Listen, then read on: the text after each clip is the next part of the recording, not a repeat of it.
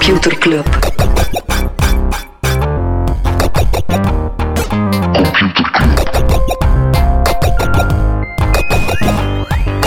Computer Club. Hey, dag Jeroen. Het is een speciale computerclub. Deze week aan Freddy's op vakantie en dan nodigen we altijd, nodigen we altijd een, eh, een gast uit. En deze week ben jij dat, Jeroen, de oprichter van TechHof. Jeroen, je bent ook CTO van TechHof. Maar misschien even om te beginnen bij het begin. Stel dat je op een familiefeest bent en je onkel die komt naar jou en die vraagt TechHof, wat doen jullie precies? Wat antwoord je dan? Meestal begin ik met de, de waarom eerder dan de wat, omdat de wat soms eh, nogal complex kan zijn. Eh, maar eigenlijk, als je kijkt naar heel veel grote bedrijven, dan zie je dat ze een transformatie zijn. En ze moeten dus iets helemaal anders gaan doen eh, dan, dan ze vandaag doen. neem bijvoorbeeld BP, vandaag helemaal in olie geïnvesteerd, moet in de toekomst naar groene energie. Nu, daar werken meer dan 100.000 mensen die binnenkort iets helemaal anders moeten gaan doen. Nu, idealiter kan je met dezelfde mensen aan de slag in die nieuwe business, ehm, maar die mensen gaan andere skills moeten leren. En om die mensen te reskillen, moet je weten wat ze vandaag al kunnen. En dat is eigenlijk wat we met TechWolf voorzien. De data van welke skills mensen op vandaag hebben. Uh, wij verbinden dus met allerhande systemen, passen onze AI daarop toe en bouwen dus een skillprofiel voor iedereen uh, binnen een groot bedrijf. En de eerste keer dat ik van TechWolf hoorde, dan dacht ik, supercool product, maar dat lijkt mij iets te ontwikkeld is, of dat bedacht is door mensen die al twintig jaar het werkveld zitten, die daar die problemen hebben gezien bij die grote corporates, want dat is effectief een groot probleem in zo'n bedrijf met duizend man, die weten niet goed wie kan er wat specifiek. Maar jullie, jullie zijn met drie founders, jullie waren allemaal piepjong, net afgestudeerd. Hoe ben je godsnaam op dit idee gekomen, zonder dat je ooit in het werkveld hebt gestaan? Ja, we hebben elkaar eigenlijk leren kennen in uh, de richting computerwetenschappen in Gent.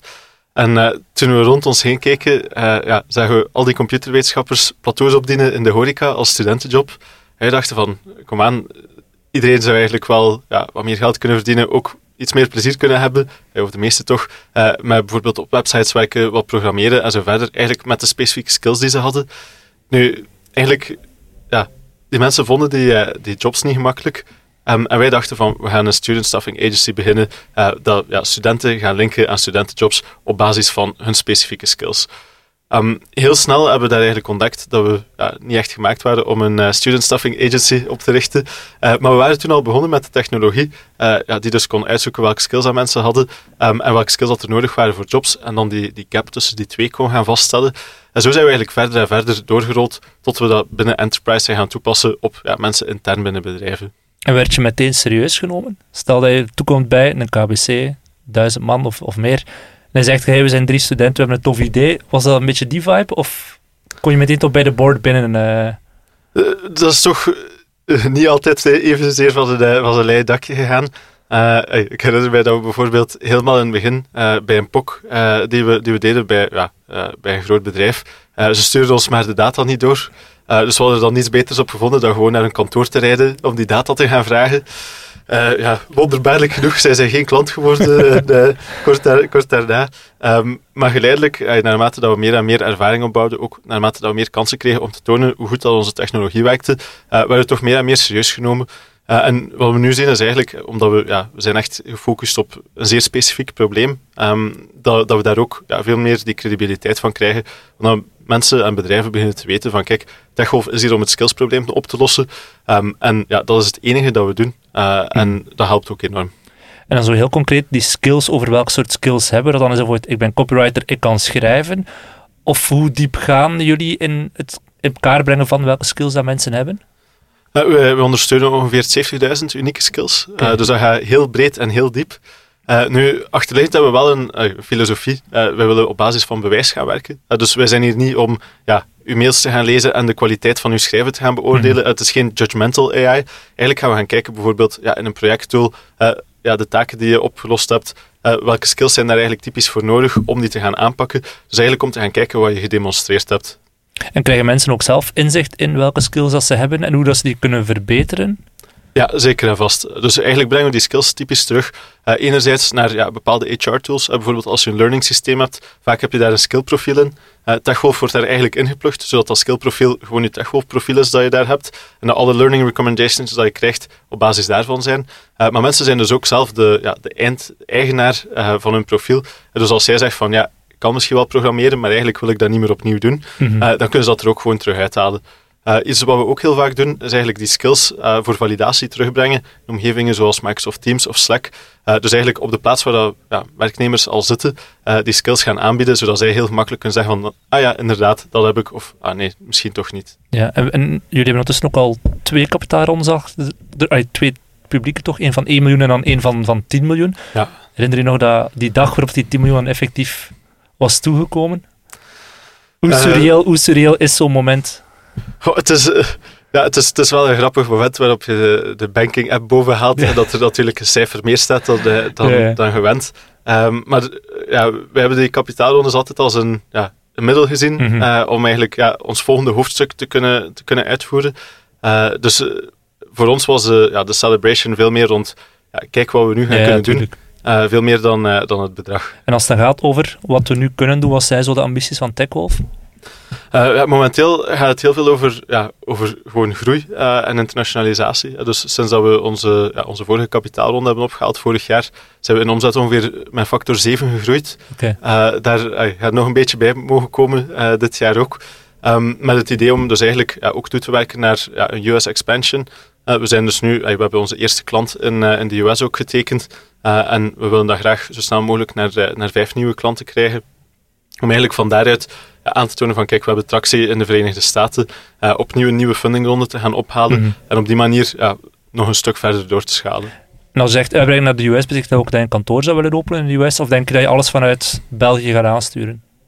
Uh, we gaan het product sowieso blijven bouwen in België. Uh, Maar ik denk om, uh, om in de US succesvol te zijn, moet je zeker het commerciële luik daar ook, ook wel gaan uitbouwen. Dus het is wel de bedoeling om ja, een beetje een, een, missie naar daar te sturen en ook ja, lokaal te gaan recruteren. En in welke mate word je dan begeleid door mensen als een Pieter Jan Bouten of een Louis Jonker van Showpad die het ooit hebben gedaan? Ik weet Matthias Geroms, onlangs interviewd een Old Insight, die zei dat jullie de meest beloftevolle scale-up in zijn ogen waren in Vlaanderen. Begeleiden die, die gasten die het al hebben voorgedaan, jou op de een of andere manier? Ja, zeker. Eh, eigenlijk is het, uh, ja, het, het Gentse en Vlaamse en, en Belgische ecosysteem mm zijn, ja, zijn redelijk tijdnet. en het is zeer leuk om te zien hoe dat bijvoorbeeld ook de mensen van Colibra zeer openstaan mm voor die gesprekken en heel veel advies geven. omdat ja, er zijn uiteindelijk niet zoveel bedrijven uit België die al die stap gewaagd hebben. En dan zijn er nog een stuk minder die het echt heel succesvol gedaan hebben. Mm maar iedereen die, die die stappen gezet heeft, heeft daar gigantisch veel uit geleerd. Uh, en eigenlijk door ja, met, met zo enkele tientallen mensen te gaan spreken, uh, verzamelen er heel veel ja, datapunten uh, die, die heel duur zouden zijn om zelf te bekomen. En voel je zo druk van investeerders um, bijvoorbeeld, die, die echt wel willen dat het een succesverhaal wordt? ik denk dat we, dat we allemaal wel willen dat het een succesverhaal wordt natuurlijk. Ik denk, onze, onze investeerders zijn algemeen wel, wel zeer blij, zou ik zeggen. Mm de, ja, het volgende hoofdstuk is natuurlijk een, een spannend deel, want ja, de, de US is een ja, is onbekend terrein voor ons. Uh, tegelijkertijd denk ik dat sinds corona uh, dat allemaal wel een stuk internationaler is. Uh, in persoon ergens zijn is, ja, is minder belangrijk dan dat het, dan dat het voordien was. Um, maar we zijn al, allemaal nu supergoed aan het voorbereiden. dus eigenlijk, ja, het komende jaar wordt er heel veel geïnvesteerd in eigenlijk ja, dat plan echt gaan samenstellen en heel goed gaan voorbereiden.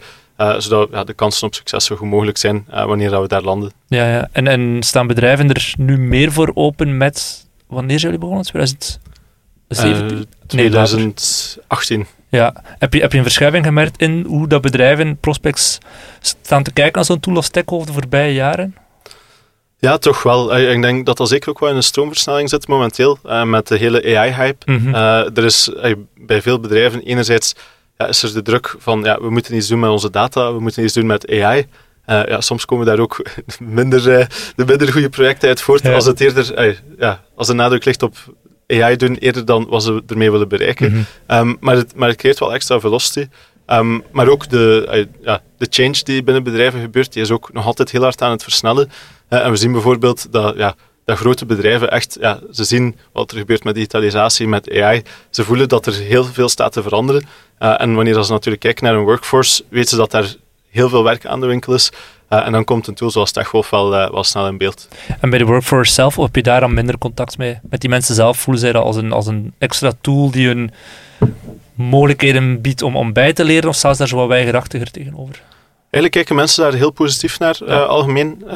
we begeleiden onze klanten ook om het ja, op een positieve manier te gaan implementeren. want ja, inherent zien wij TechWolf eigenlijk als bijna een AI-assistentje dat mensen helpt om hun skillprofiel op te stellen.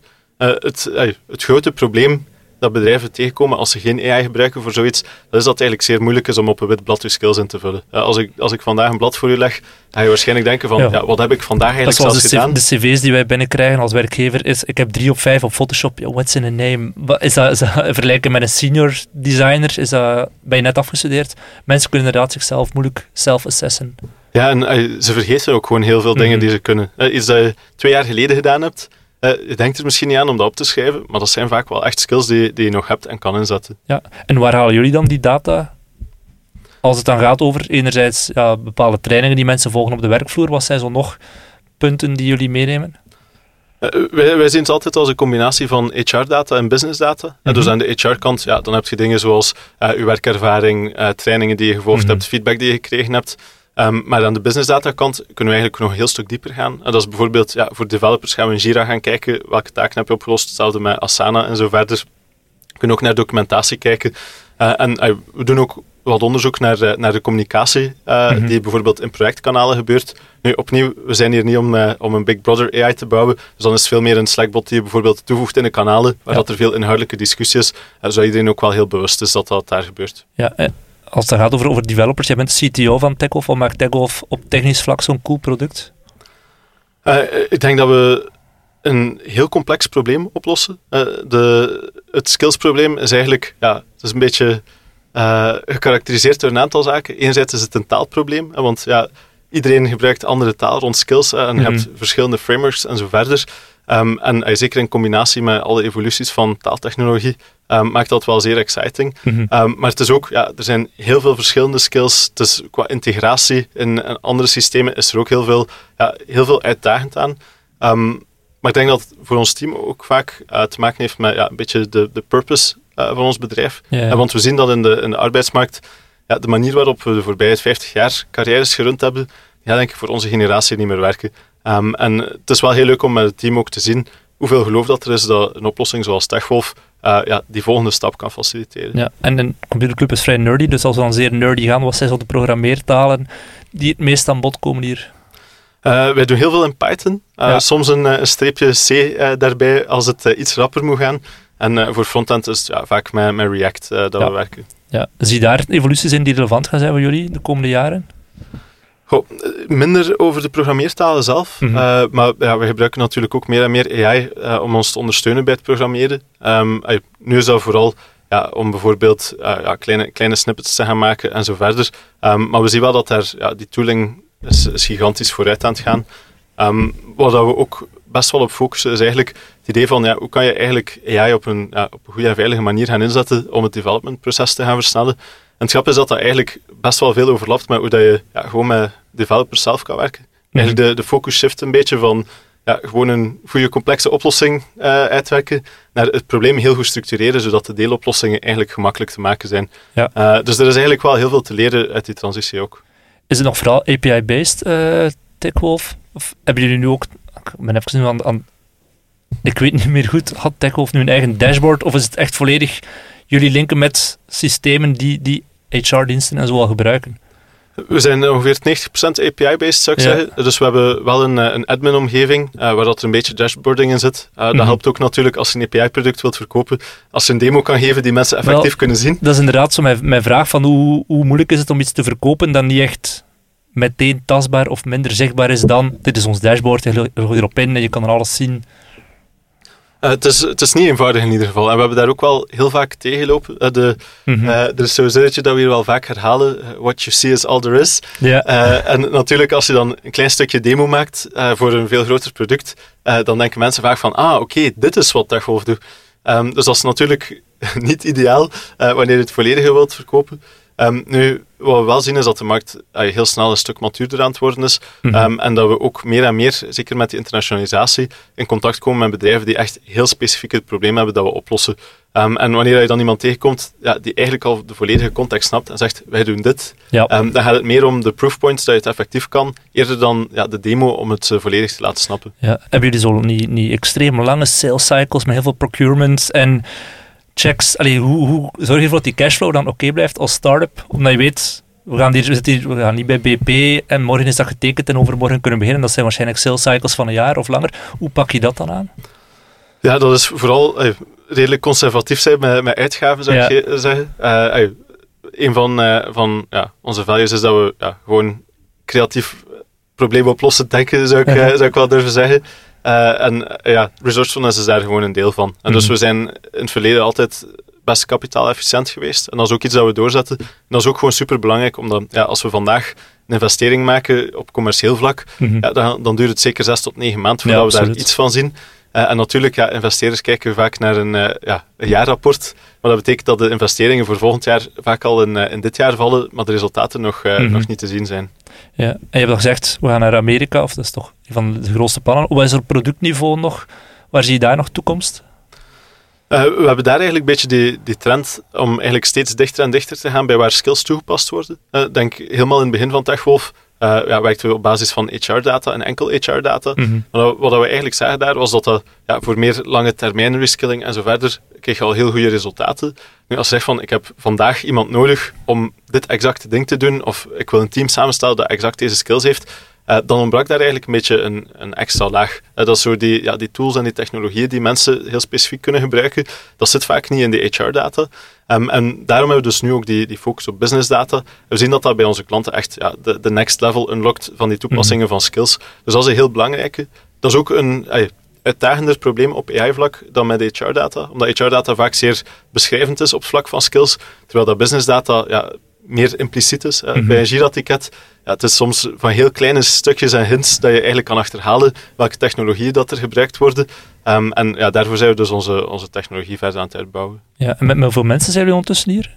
Eh, dat zal 60 zijn nu. Ja, en hoe is de verdeling engineers, sales? Hoeveel mensen zitten er ongeveer waarop te werken? Dus we hebben ongeveer de helft eh, engineers, eh, dan een paar mensen in product, een paar mensen in het solutions team. Ja. Eh, en ja, de rest is sales, marketing en G&A. Alright. Wat was het moeilijkste de voorbije jaren? Ik zou zeggen, de, de combinatie vinden tussen ja, enerzijds zeer sterk groeien, maar anderzijds ook wel nog ai, ja, u niet vergalopperen, zou Mhm. ik zeggen. Ik denk dat dat zowel op persoonlijk vlak als op bedrijfsvlak wel een uitdaging geweest is. Eh, zeker ook omdat je, ja, je moet eigenlijk rekening houden met je best case scenario en je worst case scenario tegelijkertijd. En in het begin, ai, wanneer dat er nog weinig voorspelbaarheid is in je revenue, ja, dat betekent dat je je moet voorbereiden om twee, drie keer zoveel klanten te gaan serven over een jaar. Eh, maar tegelijkertijd kan je wel nog niet gaan, gaan uitgeven alsof dat je die al getekend hebt. Ja, ja. Eh, wat dan wel redelijk veel stretch zet op, eh, op het team. Ehm, maar we merken wel dat we nu eh, in onze processen ook, ja, er is meer voorspelbaarheid. eh, ook ja, wanneer dat we beginnen forecasten, bijvoorbeeld van hoeveel revenue gaat er binnenkomen volgend kwartaal, dan zien we dat we daar nu heel veel dichter bij zitten van onze voorspelling dan, eh, dan voordien. Eh, dus dat helpt ons ook wel om ja, meer te bouwen voor de toekomst. En op persoonlijk vlak? We zijn net, ik wil ook op persoonlijk vlak niet vergalopperen. Hoe heb je dat aangepakt of waar hou je dan rekening mee? Ja, goede mensen hiren is denk ik de, de enige echte oplossing Mhm. daarvoor. Ehm, denk, voor, voor mij persoonlijk was een van de grote dingen dat ik moest leren accepteren dat, ja, dat mijn eerste prioriteit bijna moest zijn om zelf in mijn beste zone te zitten. Mhm. Eh, want ja, als je helemaal overweg bent, ja, je bent niet creatief. Andere mensen voelen ook dat, ja, dat je minder aangenaam en- bent om mee te werken en zo verder. Eh, terwijl ja, de grootste impact komt vaak van die momenten dat je juist kan creatief nadenken, dat je eens ja, een paar dagen vrij kan maken om een groot probleem te gaan aanpakken. Ehm, en ik denk dat dat altijd zo wat die balans is, want er zijn heel veel dingen die niet mis mogen gaan. Mhm. Tegelijkertijd zijn er een paar grote dingen waar dat er een opportunity ligt eh, die, die heel belangrijk kan zijn voor het bedrijf. Je wilt natuurlijk niet mis laten gaan eh, dat ja, een beetje een killer zou kunnen zijn voor, ja, voor het bedrijf of voor een deal of, of whatever. Ehm, maar ja, dat mag ook niet verglijden in dan niets niet meer gaan doen van die, van die positieve, ja, meer opportunity-related dingen. Eh, dus voor mij was het eigenlijk ja, heel veel zelfreflectie, eh, om eigenlijk ook zelf zo wat te beseffen van oké, ja, waar wil ik eigenlijk zelf voor gaan? Wat is echt belangrijk voor mij? Eh, en ook een beetje mijn, ja, mijn eigen ja, automatismen daarin gaan herkennen. Zodat ik mij soms ook eens kon stoppen als ik op iets ging springen. Dat eigenlijk bijvoorbeeld iemand anders ook gewoon even goed kon oplossen. Maar dat ik gewoon dacht van ja, dit is belangrijk, dus ik moet dat nu oplossen.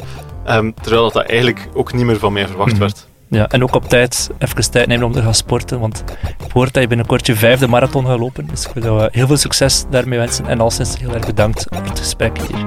Dank u wel.